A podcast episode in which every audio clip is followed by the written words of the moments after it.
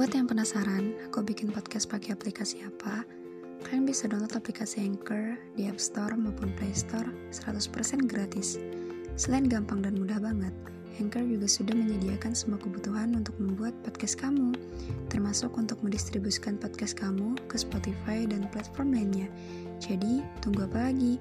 Yuk download Anchor sekarang dan bikin podcastmu sendiri.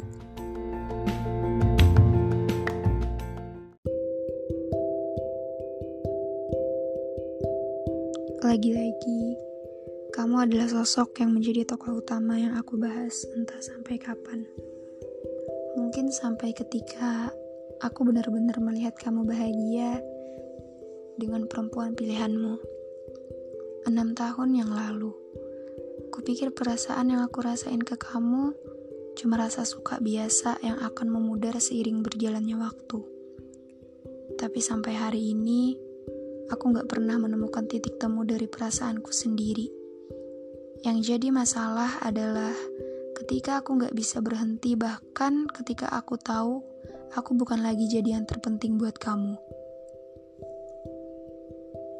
Mau sampai kapan ya? Mau sampai kapan aku harus berada dalam lingkaran memuakan ini?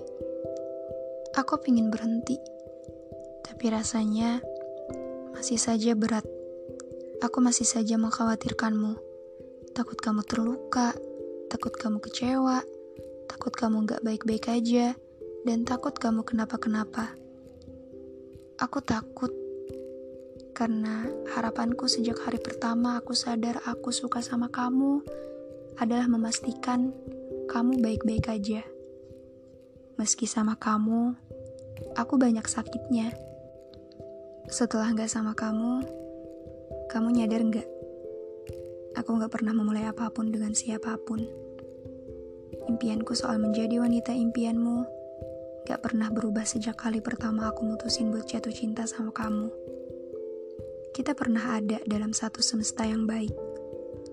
Namun pada akhirnya, hal-hal yang kamu rasa baik untukmu gak sepenuhnya jadi hal-hal baik bagiku. Semua jadi terasa aneh ketika kamu mencintaiku dalam keasingan yang terasa hambar. Aku percaya kita saling cinta. Tapi hal-hal yang aku percaya itu gak pernah ada buktinya.